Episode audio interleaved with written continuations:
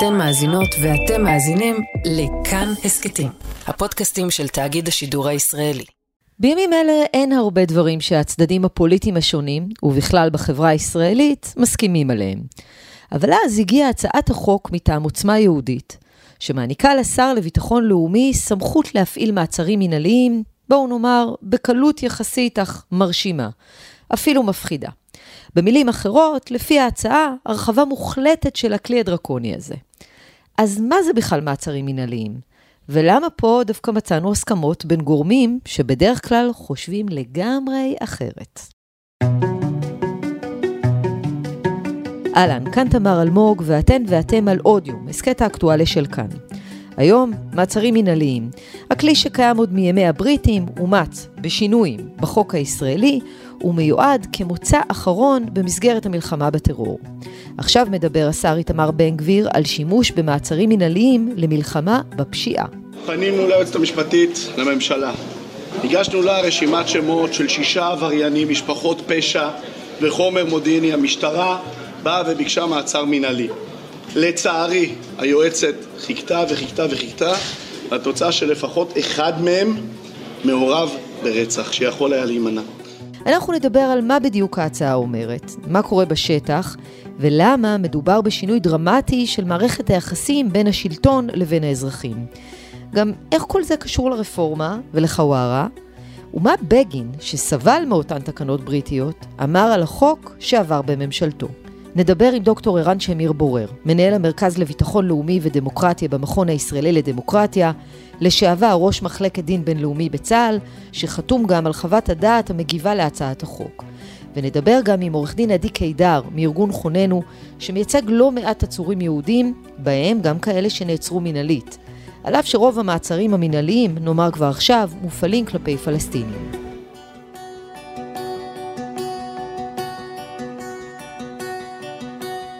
דוקטור ערן שמיר בורר, שלום. שלום רב. נתחיל מהמצב המשפטי הקיים. מה זה בכלל מעצר מנהלי ובאילו מצבים הוא מופעל? כשאנחנו משתמשים במונח מעצר מנהלי אנחנו למעשה מתכוונים למעצר שהוא לא מעצר שהוא תוצאה של הליך אה, שיפוטי, אלא מעצר שהחליט עליו גורם של הרשות המבצעת, אה, גורם אה, פוליטי או גורם אחר, מישהו מהצבא, מהמשטרה. והמצב החוקי הקיים היום בישראל הוא שיש לנו דברי חקיקה שמאפשרים אה, מעצר מינהלי. אה, במקור תקנות ההגנה אה, שירשנו מהמשטר המנדטורי אפשרו לעשות מעצר מינהלי כזה מטעמים של ביטחון המדינה וביטחון הציבור. ובהמשך בשנת 1979 ממשלת בגין אה, בשעתו אה, אימצה חוק חדש, אה, חוק סמכויות שעת חירום מעצרים, חוק המעצרים המנהליים, שהוא בעצם נועד לקבוע הסדר שהוא הסדר מאוזן יותר, שעדיין מאפשר לשר הביטחון להורות על מעצר של אדם כאשר הוא אה, מסכן אה, את ביטחון המדינה ואת ביטחון הציבור, אבל בהליך שהוא הליך אה, יותר מאוזן. ובפסיקה המונחים האלה פורשו בצורה מאוד מאוד מצמצמת. כלומר, רק כשבאמת מדובר בהגנה על ביטחון המדינה ומאבק בטרור, אז בדרך כלל שירות הביטחון ייתן מודיעין רלוונטי ואז אפשר יהיה להורות על מעצרו של אדם. הרעיון במעצר מנהלי שהוא בעצם מעצר מניעתי, כלומר הוא צופה פני עתיד, אנחנו לא מענישים אדם על מעשה שהוא כבר עשה, אלא אנחנו מנסים אה, למנוע ממנו לבצע אה, פעולה כלשהי אה, בעתיד. והרבה פעמים הליך כזה הוא הסתמך על ראיות שהן בדרך כלל לא ראיות שאפשר לתרגם אותן להליך הפלילי. יכול להיות שראיות שהשיגו אותן בכל מיני דרכים מודיעיניות והן לא יהיו קבילות בבית משפט, או שהן ראיות חסויות שגורמי המודיעין לא רוצים לחשוף אותן בבית משפט כדי לא לחשוף מקורות או שיטות איסוף מודיעין. זה מנגנון שהוא זוכה להרבה מאוד ביקורת ומאוד מאוד בעייתי, אבל הוא עדיין אה, קיים, כפי שאמרתי, בחוק משנת 1979. למעשה הכלי הזה שימש פעם, כמו שהזכרת, בעיקר נגד אה, ישראלים כאן, גם עוד לפני הקמת המדינה, נגד אה, לוחמי המחתרות, שגורשו עם תקנות ההגנה לחו"ל, שנעצרו בתנאים לא תנאים. נכון מאוד, התקנות אה, בעצם היו תקנות מנדטוריות שחוקקו ב-1945 ונועדו בין היתר לעזור לשלטון הבריטי להתמודד עם, אה, עם הפעילות של המחתרות אה, היהודיות. ולא בכדי כשנידונה השאלה האם התקנות האלה צריכות להמשיך אה, ולהיות חלק בספר החוקים הישראלי גם אחרי הקמת מדינת ישראל, אז דווקא אנשים שככה סבלו מהיישום של אותם תקנות היו אה, מאוד התנגדו לזה. ברשותך אני אצטט דברים שאמר חבר הכנסת מנחם בגין בשנת 1951 בדיון שהיה בוועדת החוקה, הוא אומר ככה על התקנות, חוק רע יהיה חוק טוב רק אם יהודים ישתמשו בו? אני אומר שחוק זה הוא רע מיסודו. ואינו הופך להיות טוב כשהוא בידי יהודים. אנו מתנגדים לעיקרון של מעצר אדמיניסטרטיבי, אין מקום למעצר כזה. כאמור, את זה הוא אמר בשנת 1951, בשנת 1979 הוא עדיין אה, מי שחתום על החוק שאיפשר מעצרים מנהליים, אבל בהסדר שהוא הסדר הרבה יותר אה, מרוכך. אגב, הוא אמר ציטוט אה, נוסף, קשה אפילו יותר באותו דיון בכנסת, הוא אומר, לפי חוקי חירום אלה יכול כל חייל וכל שוטר לאסור כל בן אדם, והרי אלה הם חוקים נאצים. דברים, אה, דברים קשים, אבל באמת נבעו ככה מתוך אה, חוויית חיים וניסיון אה, אישי משמעותי.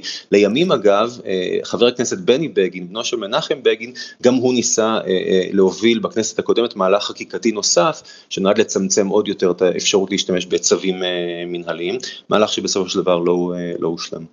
אז הזכרת זאת פרקטיקה מאוד בעייתית, ובית המשפט בעצם גם מתקשה להתמודד איתה, כי גם הראיות לא תמיד גלויות עד הסוף. נכון מאוד, הקושי כמובן במעצר של אדם אה, בדרך מנהלית היא שקודם כל יש כאן פגיעה מאוד מאוד קשה בזכויות של הפרט, אנחנו מדברים על הפגיעה בחירות האישית, אולי החירות החשובה ביותר מעבר לזכות אה, לחיים ולגוף, ולמעשה לאדם העצור אין יכולת אה, להתגונן. הרבה פעמים הוא לא יודע בדיוק אפילו מה האשמה שמופנית נגדו, הוא לא יודע מה הראיות שעל בסיסן מנהלים את ההליך הזה, כפי שהזכרתי, הרבה פעמים אלה ראיות שהן ראיות חסויות, וגם עורך הדין שלו בעצם לא מכיר את הראיות הללו. ולמרות שבדרך כלל ההליך הזה הוא כן יהיה הליך שיש בו, אה, תמיד יהיה בזה אלמנט של פיקוח שיפוטי, כעבור זמן צריך להביא את האדם בפני, אה, בפני שופט, הרבה הצביעו על זה שהפיקוח השיפוטי הזה הוא לא באמת פיקוח אפקטיבי, מכיוון שאנחנו יודעים מערכת המשפט שלנו היא מערכת אדברסרית, בדרך כלל היא מערכת שבה יש שני צדדים, יש סנגור, והסנגור הוא בדרך כלל מי שמנסה אה, אה, לחקור את התביעה ולראות אם באמת יש להם ראיות מספקות, כשלסנגור אין בעצם מידע, קשה לעשות את הדברים הללו, אבל גם מנקודת המבט של השופט, הצביע בעבר פרופסור אה, אה, מרדכי קרניצר על חוסר הסימטריה שיש כאן בין מה שהוא קרא טעות לחומרה לטעות לקולה. כלומר שופט שיבוא בפניו מקרה של, אה, של עצור, יותר קל לו אולי לטעות לחומרה ולהשאיר אדם במעצר שאולי מעצר שווא, מאשר לטעות בזה שהוא ישחרר אדם ואז חלילה האדם הזה באמת ילך ויבצע פיגוע ואז כמובן יהיו לזה מחירים מאוד מאוד משמעותיים. ולכן הביקורת על ההליך הזה היא כל כך כל כך רבה. צריך גם לומר, החוק מאפשר לעצור אדם לפרקי זמן של עד שישה חודשים, ואפשר להאריך את פרקי הזמן הללו אה, שוב ושוב ושוב. כל פעם יש פיקוח של בית המשפט אה, באמצע, אבל עדיין למעשה אפשר להחזיק אדם למשך תקופה מאוד מאוד אה, ארוכה, בלי שהוא בעצם הורשע.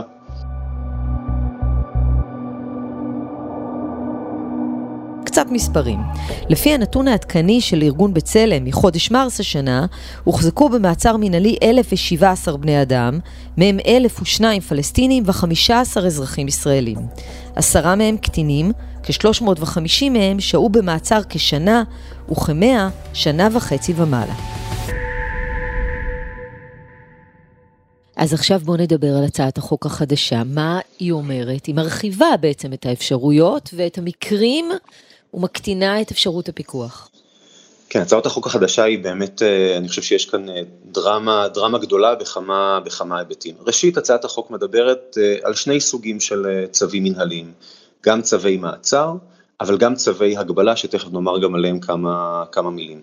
מבחינת צווי המעצר, יש כאן כמה הרחבות שהן מאוד מאוד משמעותיות. ראשית, הסמכות היא כבר לא של שר הביטחון רק, אלא מבקשים להנהיג את הסמכות הזו גם לשר לביטחון אה, לאומי, ולא רק בהקשרים של מאבק בטרור והגנה על ביטחון המדינה, שזה באמת ככה איזה אירוע חריג כזה, אלא גם בעצם בהקשרים של אה, פשיעה, במאבק אה, בפשיעה, בהקשרים שהם פליליים רגילים, שבהם בדרך כלל ההליך הפלילי הוא ההליך ש, שחל.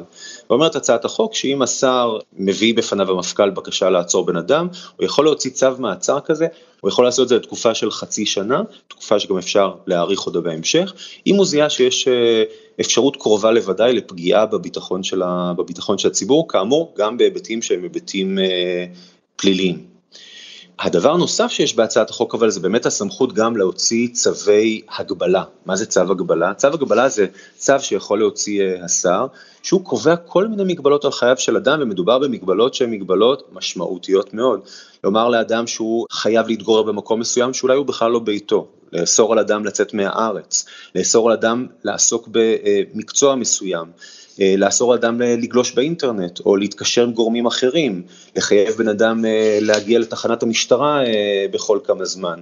כלומר, מגבלות שהן באמת מגבלות מאוד מאוד משמעותיות, וצו יכול שהוא יכלול שורה ארוכה של מגבלות. כלומר, אפשר לומר לאדם מסוים, אתה עכשיו תגור במקום אחר שהוא לא ביתך, לא תוכל להיות בקשר עם אף אחד בעולם, לא תוכל לעבוד. זה דבר שהוא באמת מאוד מאוד משמעותי. במקרה הזה השר יכול להוציא צו כזה, אפילו מבלי שגורמי המקצוע, מבלי שמישהו במשטרת ישראל בא וביקש ממנו לעשות דבר כזה, עד לתקופה של שנה, וגם אותה אפשר להאריך אה, שוב ושוב.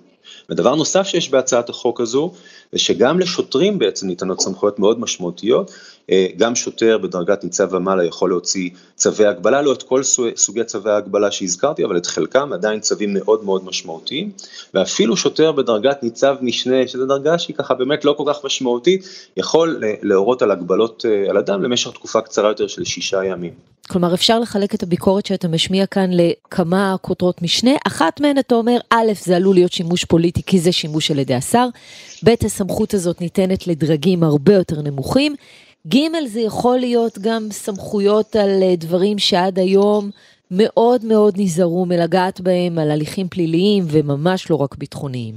אני רוצה באמת לחדד את הנקודה האחרונה שאמרת. למעשה, מה שעושה הצעת החוק הזו, היא פשוט סוללת מסלול עוקף להליך הפלילי. עכשיו צריך לומר, במדינת ישראל, במדינות דמוקרטיות באופן כללי, בנינו הליך פלילי שהוא הליך שמצד אחד נועד לאזן בין הרצון של החברה להגן על עצמה מפני פשיעה, לבין הצורך להגן גם על זכויות הפרט, הזכויות של מי שנחקר, מי שנאשם, לתת לו זכויות בסיסיות בתוך ההליך, בראש ובראשונה זכויות של הליך הוגן, שאדם יוכל להגן על עצמו, לדעת במה הוא נאשם, לנסות להפריך אה, אה, ולאתגר אה, ראיות, וגם רף ההרשעה הוא בסוף רף מאוד מאוד גבוה כשהנטל רובץ על התביעה. בנינו מערכת שלמה כזו, והנה באה הצעת החוק הזו, ובעצם מבקשת ליצור לה מעקף גמור. כלומר, גם בהקשר של פשיעה, יוכלו עכשיו גורמי משטרת ישראל, אותם גורמים שאחראים על ההליך הפלילי, יוכלו בעצם עכשיו לבוא ולעסוק בהוצאה של צווים מנהליים, והחשש כמובן שזה פשוט ייתן תמריצים למשטרה אצלה. פשוט למשטרה הצלה, למה ששוטרים יטרחו לשלוח בלשים, לחקור, לאסוף ראיות, עבודה שהיא עבודה רבה, אם הם פשוט יכולים על סמך מידע, שהוא יכול להיות מידע מאוד מפוקפק, פשוט יכולים להוציא צווים ולהגביל אנשים אה, בדרך, אה, בדרך פשוטה כל כך. זה פשוט דבר מסוכן. אותה משטרה, הגורם שאמור להיות לנו אמון בו, שאמור לשמור עלינו, שאמור אה, לשמור על החברה בכלל, אבל גם לשמור על הזכויות של החשודים, פשוט תהיה גורם שיוכל בדרכים מנהליות דרקוניות לעקוף לחלוטין את ההליך הפלילי. וזה סיכון איום ונורא. דבר נוסף, נגעת בסוגיה של חשש לפוליטיזציה, זה כמובן חשש שהוא חשש מאוד אה, מאוד מאוד אה, דרמטי. הזכרתי קודם, גם בהקשר של החוק הנוכחי, הסמכות היא סמכות בסוף של דרג פוליטי, נכון אמרתי ששר הביטחון יכול אה, להורות על הוצאת צווי מעצר בהקשרים מסוימים, אבל מדובר בהקשר שהוא מאוד מאוד מאוד צר, ההקשר של הגנה על ביטחון המדינה, שהוא הקשר מאוד מאוד מיוחד, מכיוון שהמחירים שהם מחירים דרמטיים, מכיוון שהרבה פעמים הראיות הן באמת ראיות שמושגות בכל מיני דרכים כאלה ואחרות שאנחנו לא רוצים לחשוף אותן בפני בית משפט, אבל כאן אנחנו מדברים בעצם על משהו שהוא מאוד מאוד מאוד רחב, זו רחבה שהיא גם רחבה כמותית, מכיוון שהפוטנציאל, כשאנחנו מדברים בפשיעה, הפוטנציאל של אנשים שאפשר יהיה להוציא נגדם צווים כאלה הוא בעצם אדיר, ואנחנו גם מדברים על הרחבה שהיא הרחבה איכותית, כלומר זה לא רק הנגזרת הצרה הזו של ביטחון המדינה, אלא זה בעצם מאבק בפשיעה באופן כללי. וצריך לומר, הצעת החוק, בעוד שבהקשר של הוצאת צווי מעצר, הצעת החוק לפחות אומרת שצריך שהמפכ"ל יפנה אל השר, שתהיה אישור של היועצת המשפטית לממשלה או מישהו מטעמה, בהקשר של צווי ההגבלה, שאני חושב שהם דרקונים בצורה בלתי רגילה, רגילה אה, בפני עצמם, אין אפילו צורך בבקשה של גורמים מקצועיים. כלומר, יכול לבוא השר, ומסיבות שהן לא לגמרי ברורות יהיו, פשוט ללכת ולהוציא צווים כאלה מאוד מאוד אה, אה, דרמטיים. וכמובן החשש הגדול הוא שהגורמים המיידיים להיפגע מהדבר הזה יהיו מן הסתם האנשים בחברה הערבית. הצעת החוק בעצמה מתייחסת לעובדה שהיא נועדה בין היתר גם להתמודד עם העלייה בפשיעה בחברה, בחברה הערבית, וכאוכלוסייה שהיא מראש אוכלוסייה שהיא סובלת אני חושב מפגיעות רבה, יש חשש שהאוכלוסייה הערבית ככלל תתויה כאוכלוסייה שהיא מסוכנת אה, אה, לביטחון אה, ישראל, זה עוד פרימה אני חושב של מרקם החיים העדין ש, שיש כאן, ועד כמה שעוד נותר אמון מסוים של אנשי החברה הערבית כלפי המדינה, כלפי משטרת ישראל, אותו גוף שגם אמור לשמור עליהם, אני חושב שזה לגמרי ישבור את, ה, את האמון הזה.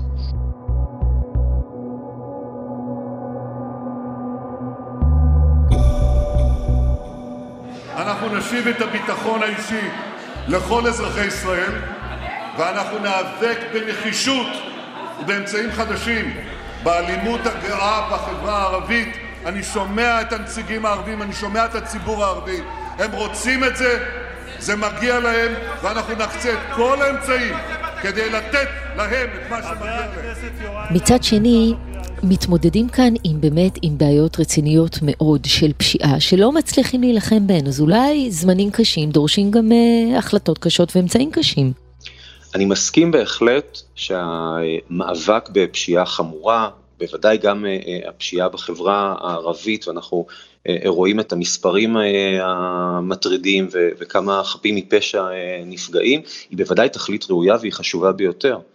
אבל הקושי שיש כאן, הוא שבמקום לטפל בסוגיה הזו באזמלים עדינים, אנחנו כבר רואים בתקופה האחרונה הזנחה גמורה של הטיפול בבעיה הזאת, ועכשיו פשוט באים לטפל בזה בפטישים, בפטישים כבדים. עכשיו שימי לב גם תמר, לא נעשתה שום עבודת מטה, שאנחנו מכירים לפחות, לפני שהגיעה הצעת החקיקה הזו. זו לא הצעת חקיקה של ממשלת ישראל, זה לא בא בעקבות זה שהמשטרה באה ואמרה חסרים לי כלים, תנו לנו כלים אה, נוספים, לא, מדובר בהצעת חוק פרטית שבא חבר כנסת ובלי שום עבודת מטה, ובלי שביססו את הצורך למה צריך כלים כל כך דרקוניים בשביל להתמודד עם הפשיעה, בכל זאת מבקשים לקבל, לקדם אה, אה, דבר כזה.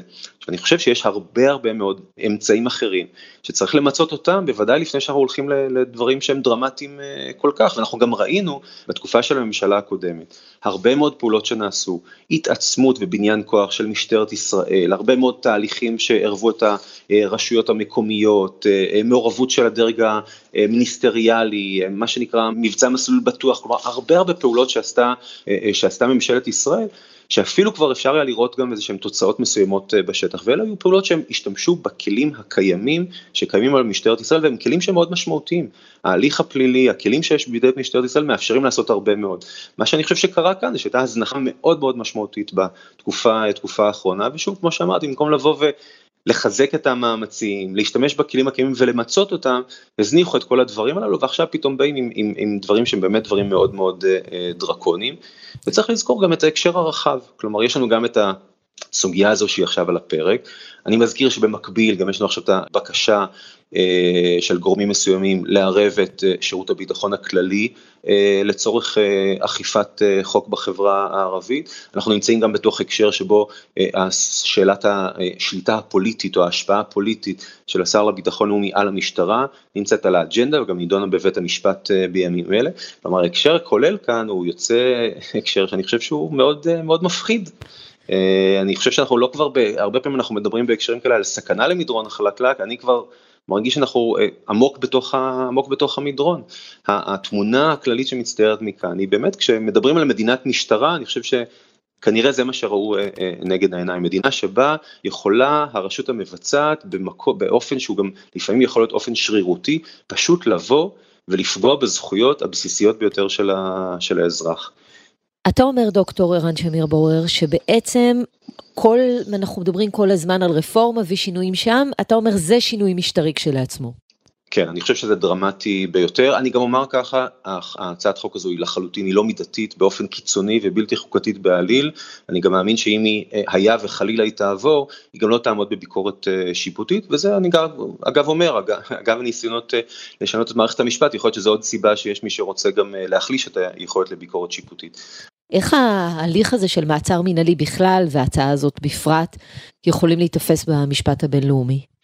במישור הבינלאומי אה, הסוגיה של אה, מעצר אה, שרירותי הוא דבר שהוא נידון הרבה מאוד, הזכות לחירות היא זכות שהיא מאוד מאוד מוגנת במשפט בינלאומי, כן יש הכרה בזה שיכולות להיות נסיבות שיש הצדקה למעצר מנהל אבל הן מאוד מאוד צרות, כבר היום יש על ישראל ביקורת מאוד משמעותית במישור הבינלאומי על השימוש שאנחנו עושים בכלי המעצר המנהלי בהקשר הביטחוני. בעיקר המעצר של פלסטינים בשטחים מכוח חקיקה שחלה ביהודה ושומרון. אבל הצעת החוק הזו היה ותעבור היא בהחלט עומד ב... אני אומר בלשון המעטה במתח גמור עם המחויבות של ישראל במישור הבינלאומי. אני גם אומר שבמבט משווה על מדינות דמוקרטיות אחרות, אנחנו לא מכירים הסדר שחל באף מדינה דמוקרטית אחרת מהסוג, מהסוג הזה. דוקטור ערן שמיר בורר, תודה רבה לך. תודה רבה תמר ותודה למאזינים.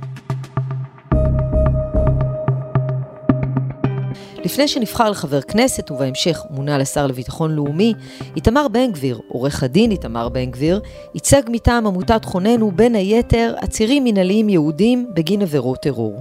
עורך הדין עדי קידר, המייצג היום מטעם אותה עמותה, מסביר כאן למה הצעת החוק הזאת מטרידה אותו. שלום עורך דין עדי קידר, ארגון חוננו. שלום תמר.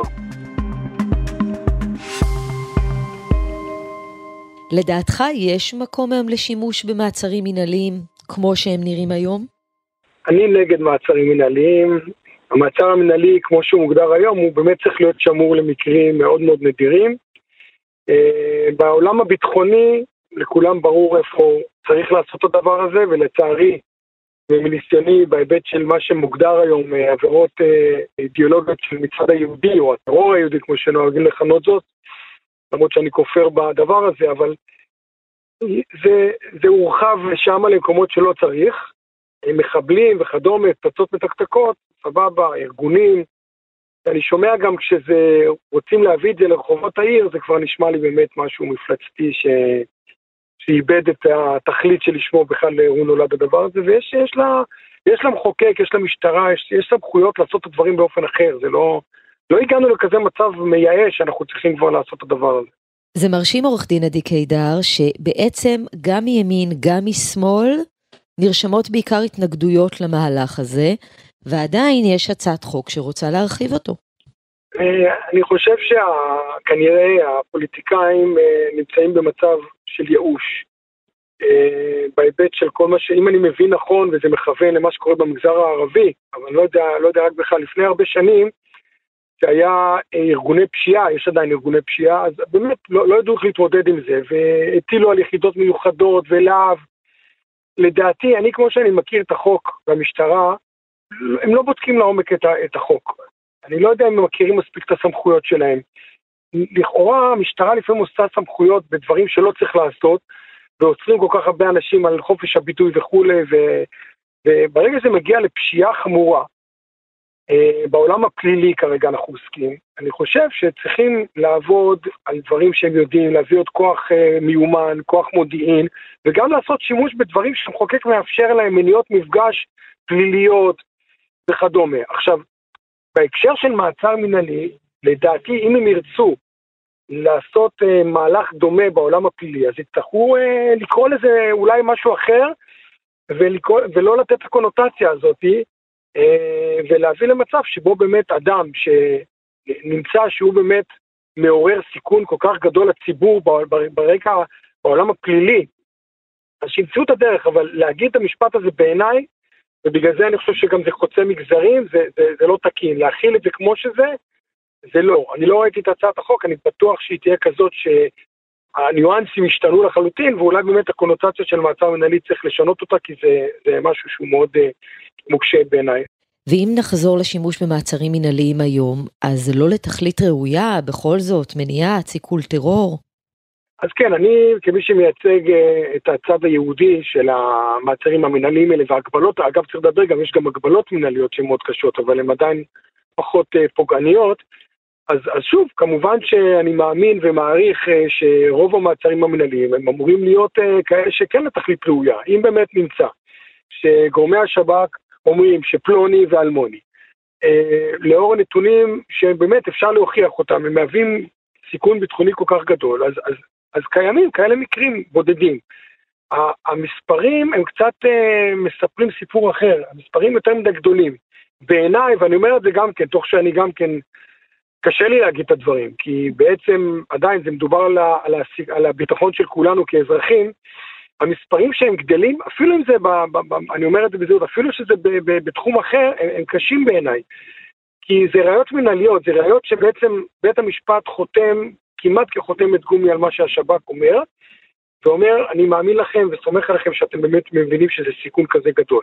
עכשיו, איך אני יודע את זה?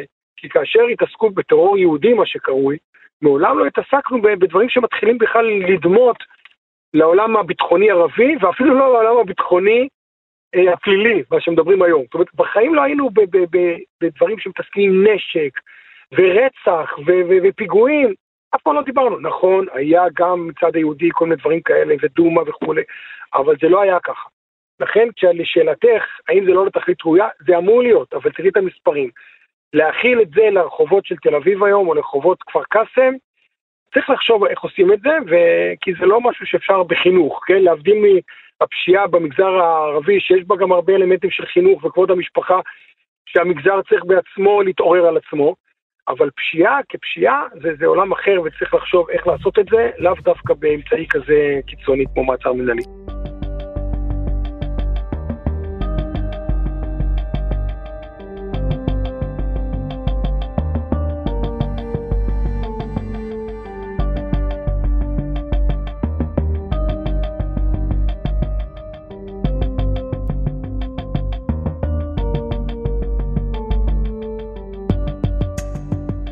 בוא נחזור עורך דין עדי קידר לשימוש במעצרים מנהליים כבר היום.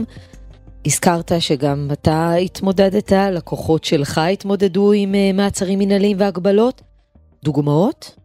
כן, כן, אנחנו בחצי שנה האחרונה התמודדנו עם ארבעה או חמישה עצורים מנהליים, ביניהם קטינים, שזה באמת באמת אה, חריג מאוד.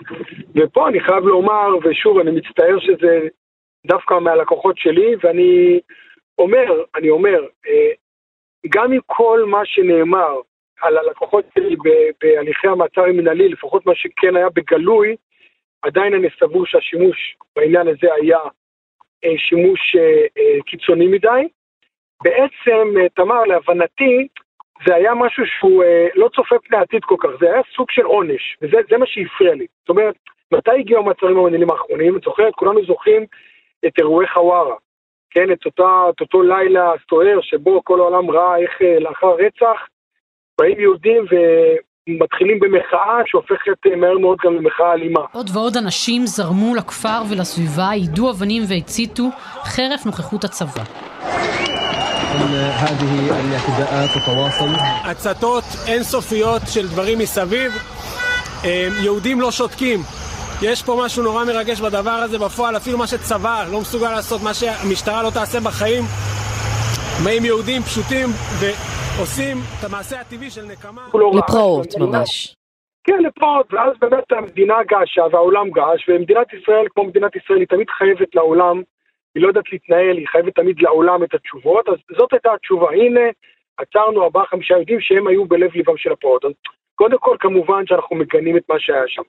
וגם אם יש לחמישה האלה קשר, האירוע הזה כשלעצמו הוא אירוע ספונטני, ש, שעדיין היה מאוד מאוד חמור, כן, תמר, אני לא רוצה שישתמע, אבל, אבל זה היה אירוע ספונטני שאנשים יצאו וזרקו אבנים ושרפו ואני לא יודע מה עשו, אבל הם לא ירו והם לא יצאו לצאת פיגועים ולא התחילו עכשיו לירות במשפחות ולעשות מה שכל יום הם חווים שם באזור.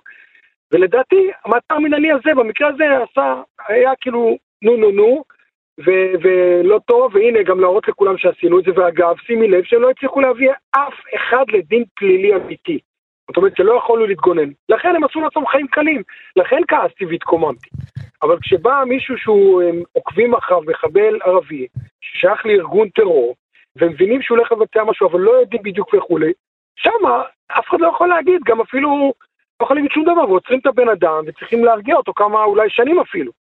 לכן אני התקוממתי, וזו הייתה התקופה, אני שמח מאוד שאחרון העצורים המנהליים באמת שוחרר, וכל מי שהיה צריך לקבל את, ה, את, ה, את ה, זה שלו קיבל גם בעולם וגם בארץ.